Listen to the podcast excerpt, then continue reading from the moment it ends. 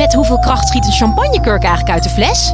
Ja, het is feest bij Quest. Al twintig jaar serieus leuk, met nieuwsgierige vragen en antwoorden uit de wetenschap. Zo maken we Nederland elke dag een stukje slimmer. Nu in de winkel en op quest.nl.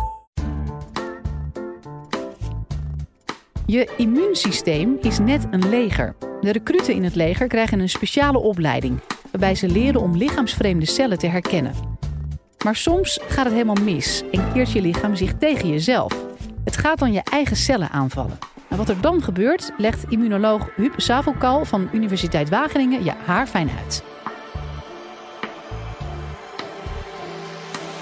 Live vanuit Club Air is dit de Universiteit van Nederland. Misschien wisten we het niet, maar je immuunsysteem is eigenlijk één groot leger. Een leger wat je verdedigt tegen aanvallen van buitenaf, continu op scherp staat. En wat heel belangrijk is, om te zorgen dat je cellen, je weefsels, je organen intact blijven. Maar soms gaat het mis. En soms dan richt een eh, deel van dat leger zich tegen lichaams eigen cellen. Wat gaat er dan mis? Nou, stel, u bent allemaal recruten en u wil in het leger, u wil soldaat worden. U meldt zich bij de zwezerik, een klein orgaantje vlak boven uw hart, de thymus. En u zegt, ik wil graag soldaat worden. U mag binnenkomen, plaatsnemen in de klas.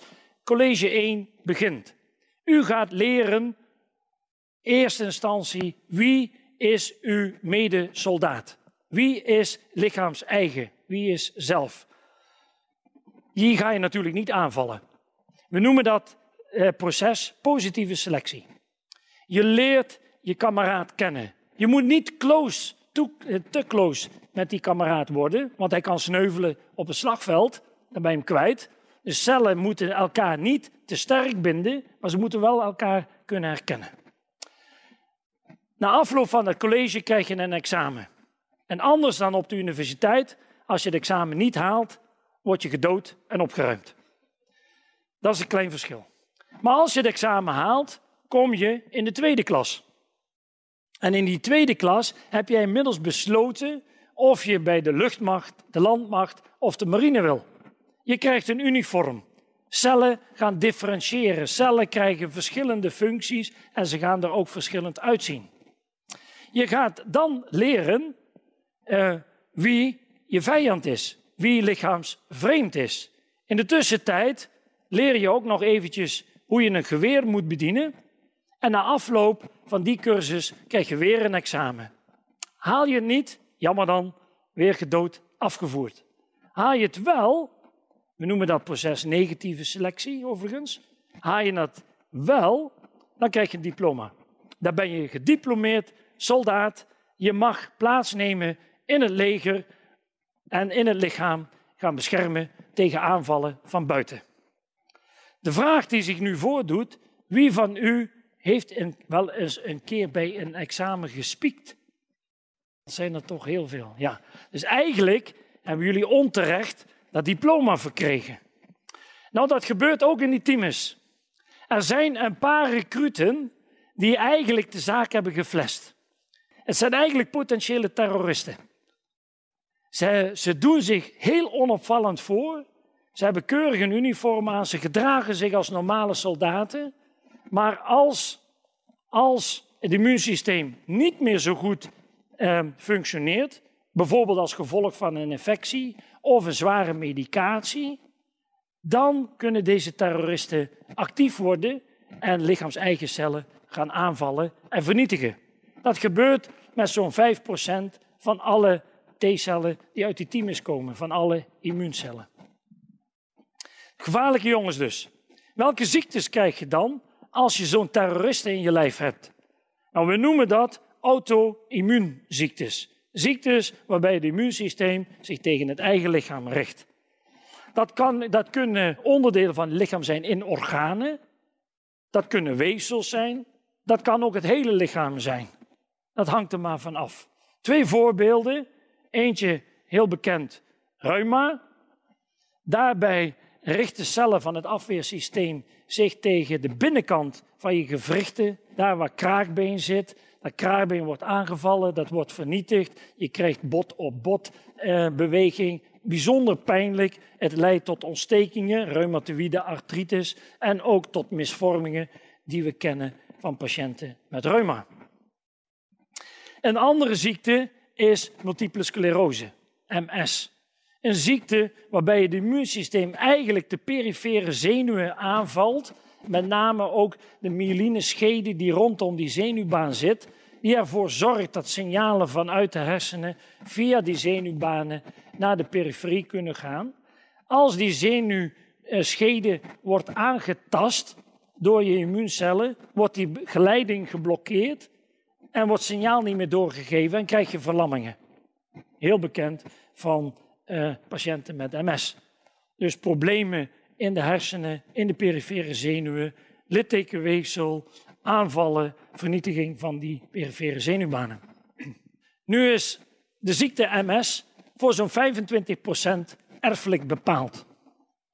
En de ziekte komt tot uiting wanneer er dus een signaal wordt gegeven van een verzwakt immuunsysteem aan die terroristische cellen.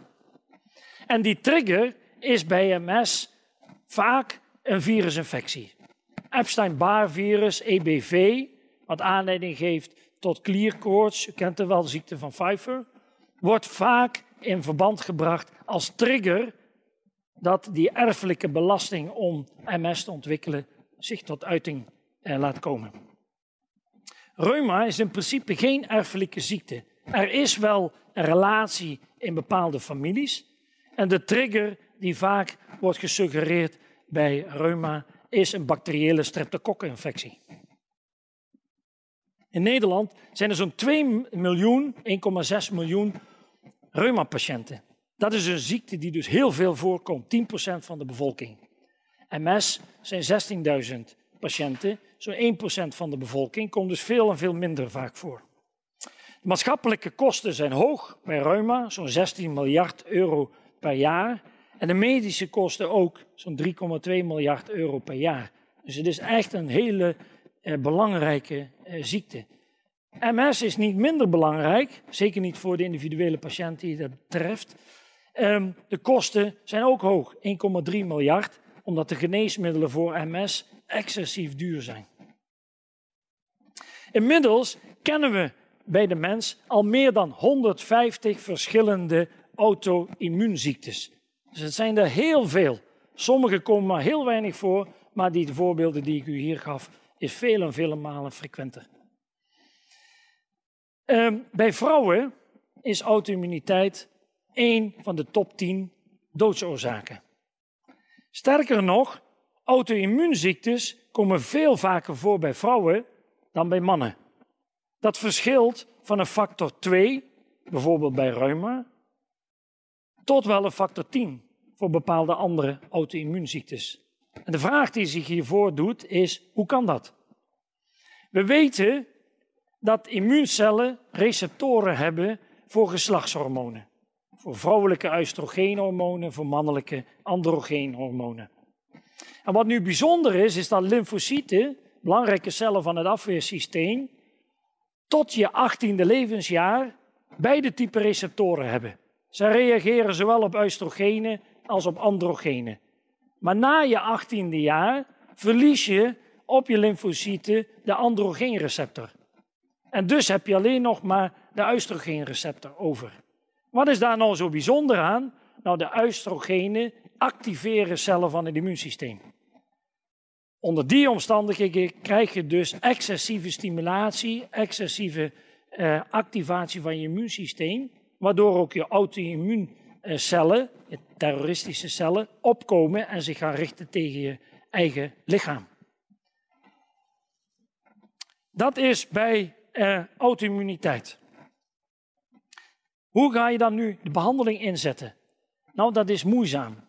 Zware medicatie, ontstekingsremmers, pijnstillers, maar ook uh, medicatie die de werking van het immuunsysteem, wat immers veel te hard werkt bij deze patiënten, onderdrukt.